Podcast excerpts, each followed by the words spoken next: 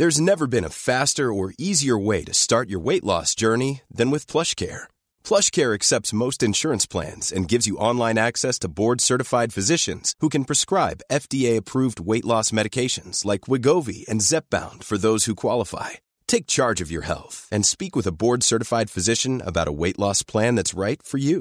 Get started today at plushcare.com slash weight loss. That's plushcare.com slash weight loss. plushcare.com slash weight loss. I'm Sandra, and I'm just the professional your small business was looking for. But you didn't hire me because you didn't use LinkedIn jobs. LinkedIn has professionals you can't find anywhere else, including those who aren't actively looking for a new job but might be open to the perfect role, like me.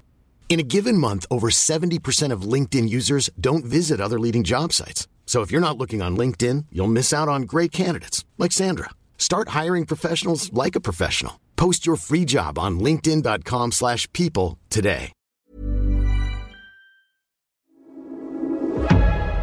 Du lyssnar på GVS ljudböcker.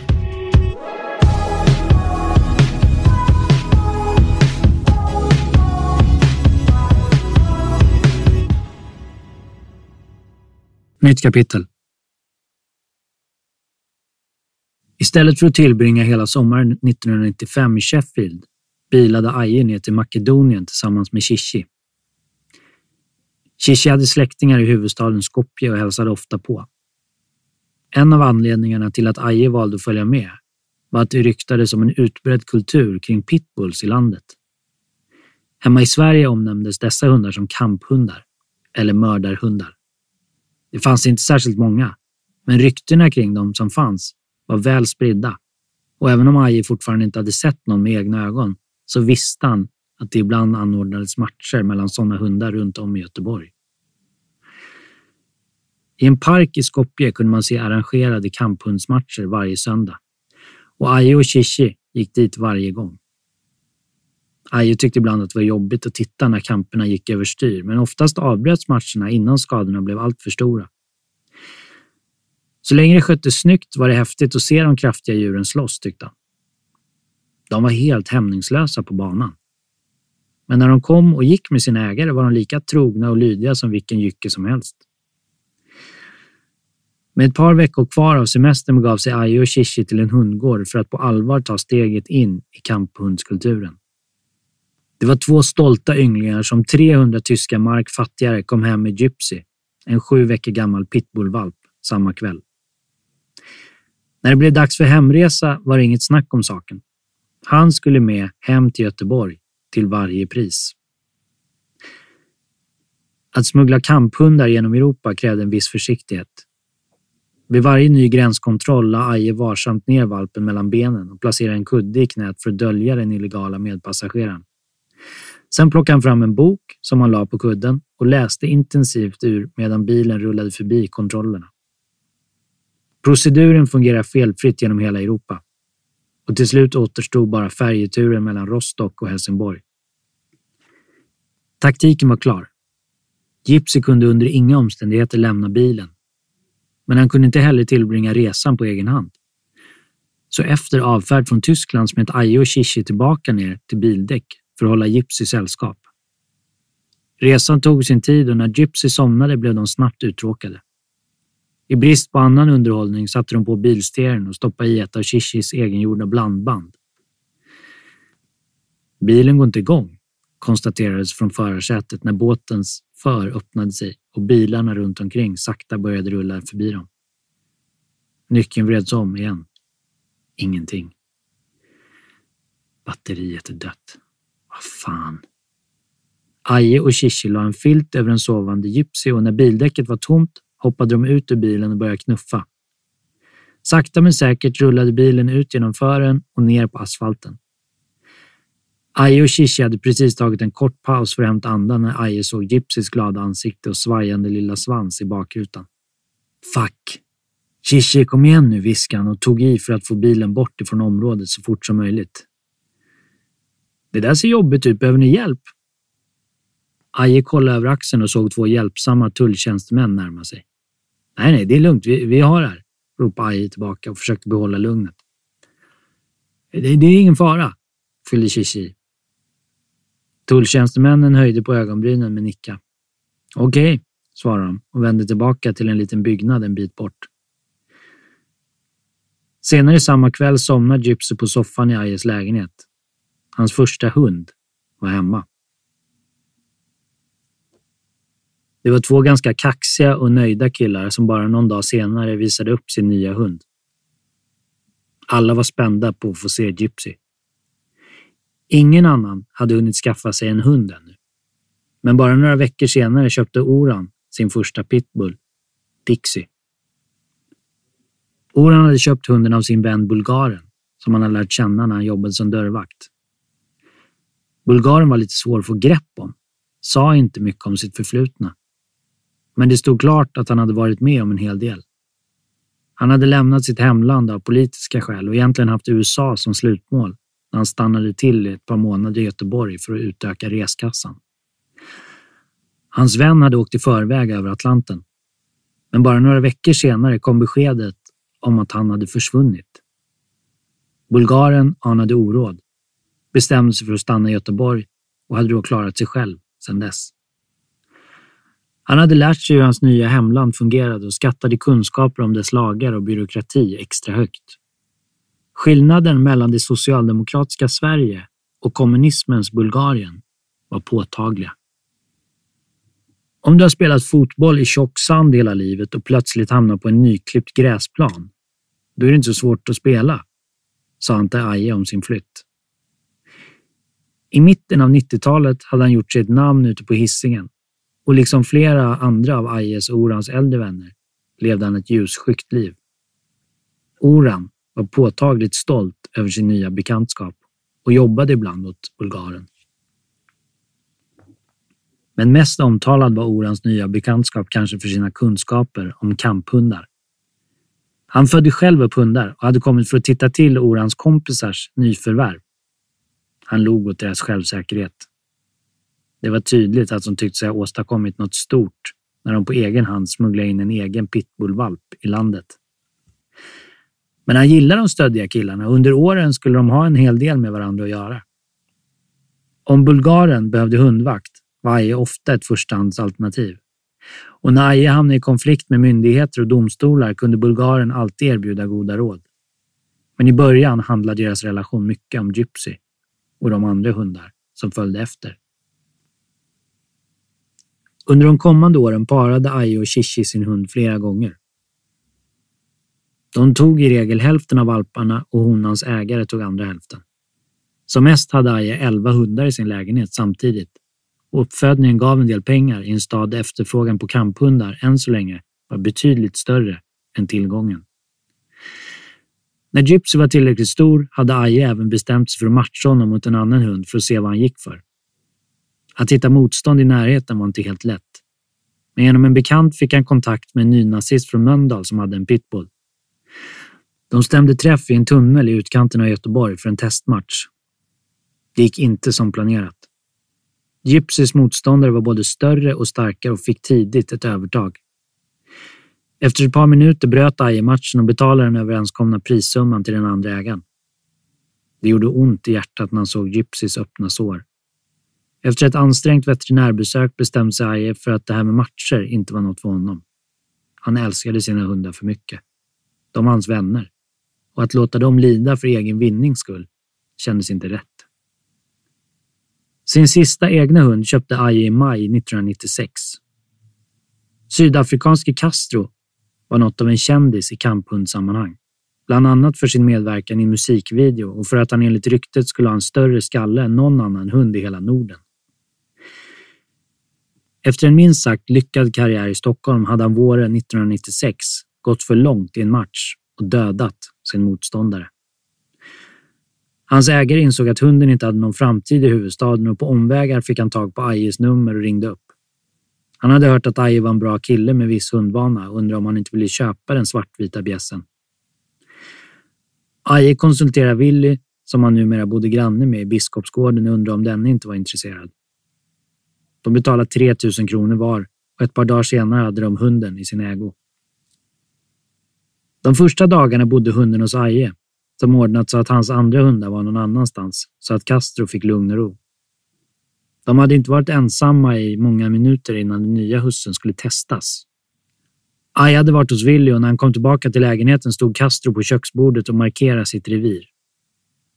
Så fort Aje kom in i rummet började hunden morra. Aje hann precis sträcka sig efter en sopskyffel som stod i hörnet bakom honom innan Castro tog ett jättesprång och kom flygandes emot honom. Kanske var det tur att första slaget med skyffeln träffade klockrent i pannan på det stora djuret. Det var definitivt tur att Aje lyckades undvika det första hugget från Castros käkar. Castros utfall minskade i styrka omgående, men det krävdes flera svingar med skyffeln och flera sparkar innan hunden till slut visade tecken på att ge upp. Kampen hade fortsatt ut i hallen för att slutligen förflytta sig in i vardagsrummet. Vardagsrumsbordet hade vält och det låg saker på hela golvet hela vägen från köket. Aje höjde skiffen och stirrade hunden i ögonen. För första gången fick han inte så mycket som ett morrande tillbaka. Han gjorde ett utfall mot Castro som backade in bakom en fåtölj. Efter en halv minuts bevakning med skiffen i högsta hugg gick Aje ut i köket, satte sig på en stol och pustade ut. Han undersökte sina armar och ben. De hade klarat sig med några ytliga rivsår. Han visste inte vad Castro hade gått igenom, men han visste att hundens beteende berodde på de människor han haft omkring sig och inte på hunden själv. Samtidigt kunde han inte lägga sig platt och låta hunden slita honom i stycken. Han hoppades innerligt att händelsen inte skulle upprepas. Det vore ohållbart. Efter en halvtimme hörde han de tunga tassarna igen. Han vände snabbt blicken mot köksdörren och såg Castro komma in i rummet med nosen nästan släpandes i marken. Den undergivna hunden mötte försiktigt sin husses blick. Det var Aje som bestämde nu. När hierarkin i hushållet väl var fastlagd hade Aje aldrig några problem med Castro igen. Kanske berodde det på deras hårda första möte. Kanske på deras tuffa uppväxter. Men oavsett så kände Aje att hans relation till Castro var både starkare och mer personlig än banden till någon av hans andra hundar. Bakom den aggressiva, muskulösa ytan anade Aje en sorgsen och orolig själ. Under de kommande månaderna tyckte han sig se allt fler likheter mellan sin hund och sig själv. Och det var aldrig annat än kärleksfulla emot varandra. Inte sedan Lucy hade något annat djur betytt så mycket för honom. Även om Aje och Castro kom bra överens så hade hunden fortsatt svårt för nya människor. Och träffade han andra hundar dröjde det inte länge innan hans kampuppfostran tog över och ledde honom in i slagsmål. Även hans extra husse Willy accepterades relativt snabbt. Men flera av Ajes vänner vågade i perioder inte gå in i hans lägenhet om Castro var där. En av dem som vägrade backa, men heller aldrig skulle acceptera Castros närvaro, var Magnus. Vars första möte med hunden hade varit lika kort som det var chockartat. Han hade kommit förbi när Aje, Willy och Castros tidigare ägare stod och pratade igenom affären. Castro slängde sig genast över honom, tryckte in sina tänder i hans bröst och drog ner honom på marken som en trasa. Aje och Willy hade lyckats få kontroll på hunden ganska omgående och och tyckte att det hela var mest komiskt. Ingen av dem hade varken förr eller senare sett någon slå omkull kraftpaketet Magnus på det sättet. Men det skulle med tiden visa sig att situationen var ohållbar.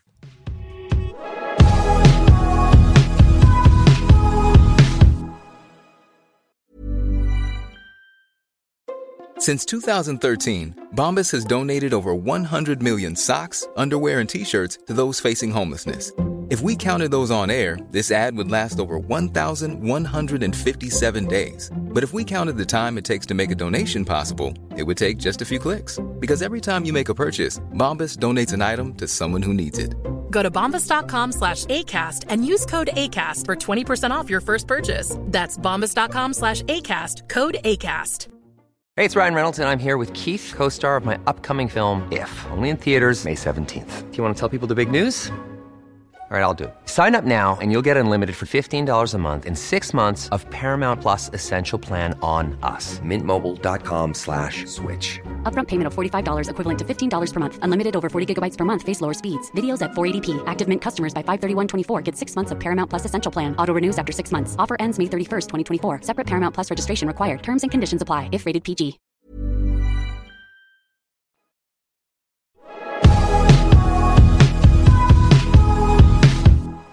Nytt kapitel. Aje satt hemma i lägenheten i Biskopsgården och tittade på tv när telefonen ringde. Han lutade sig över Castro som satt bredvid honom i soffan och fiskade upp telefonluren. Hallå? Hej, jag ringer från Tullverket och söker Anders Berntsson. Har jag kommit rätt? Rösten var professionellt saklig. Ja, vad gäller saken? Vad bra. Jo, det är så att jag har ett paket adresserat till dig här, från Spanien. Från Spanien? Jaha, svarade Aje förvånat. Han var inte det minsta förvånad. Däremot var han lite irriterad. Han visste vad det här betydde. Uteblivna inkomster på över 50 000 kronor. Det var snart jul och sen i somras hade leveranserna kommit precis som planerat utan några oönskade samtal från samvetsgranna tulltjänstemän. Under sommaren 1996 hade Aje tillbringat nio veckor med Jonas och hans familj i Fenguila, några mil utanför Malaga i Spanien. En soldränkt andalusisk stad med en Skandinavien-tät strandpromenad och flertalet barer och klubbar var kanske ingen ovanlig semesterort för två svenska tonåringar. Men Aje och Jonas var varken intresserade av att träffa jämnåriga semestersvenskar eller att gå ut och festa. Packningen bestod huvudsakligen av 15 kilo protein Målinriktad träning och billiga steroider var resans mål. De hittade rätt redan första dagen. Ägaren till det lokala gymmet var inte bara stor, han var överläkare också. Och gymkortet blev nyckeln till långt mer än de hade kunnat ana. Steroidampullerna kostade i runda slängar 15 kronor styck. Nästan en fjärdedel av vad de var vana att betala hemma i Göteborg. Aje och Jonas var inte längre bara flitiga användare av steroider. De hade lärt sig allt som de tyckte var värt att veta om dem och sålde även steroider till mindre insatta bekanta. Ryktet hade spridit sig snabbt och de fick dagligen användning för sina väskor packade med sprutor, testosteron och genotropin. Vi är ju värsta doktorerna, skämtar Jonas. Att träffa en riktig doktor utan skrupler var en jackpot och den spanska läkaren skulle bli en lönsam kontakt under lång tid framöver. Ett paket om tusen ampuller skulle skickas varje månad. Vinstmarginalen vid försäljning hemma i Göteborg låg på dryga 50 kronor per ampull. Aje hade visserligen marginalerna för att ta ett ekonomiskt bakslag då och då, men det här grämde honom. Han lutade huvudet bakåt i soffan och spärrade frustrerat upp ögonen. Men var mån om att inte låta känslorna visa sig i rösten. Väntar du något från Spanien? Undrade tjänstemannen i andra änden. Nej, inte vad jag vet, svarade Aje och la försiktigt till ett skratt. Paketet innehåller steroider. Va? Är det sant? Och det är adresserat till mig. Aje spelar inte bara förvånad längre, utan chockad. Ja, du tränar inte eller så? Jag? Nej, det är inte min grej, försäkrar Aje som vägde strax över 120 kilo enligt badrumsvågen. Då har du ingenting emot om jag förverkar det här paketet? Nej, för fan. Jag vill inte ha hem sån där skit. Okej, vad bra. Då gör vi så. Ha en bra dag. Tack detsamma, avrundade Aje innan han la på luren och suckade tungt. Fan också. Nytt kapitel. Tre personer skadades alltså vid Redbergsplatsen nu på eftermiddagen av en lösspringande sydafrikansk kamphund. Polisen tvingades under jakten spärra av Falkgatan. Hunden sköt sedan och vi ska varna för bilder som kan vara otäcka. Nyhetsuppläsaren tittade stadigt in i kameran och fingrade vant på sitt manus medan hon presenterade kvällens huvudnyhet. Inslaget rullade igång och visade snart en svartvit hund som satt och slokade med huvudet på en trottoar. Aje var på väg ut när han hörde grannen skrika från sin balkong. Aje, din hund är på tv. Polisen ska skjuta han.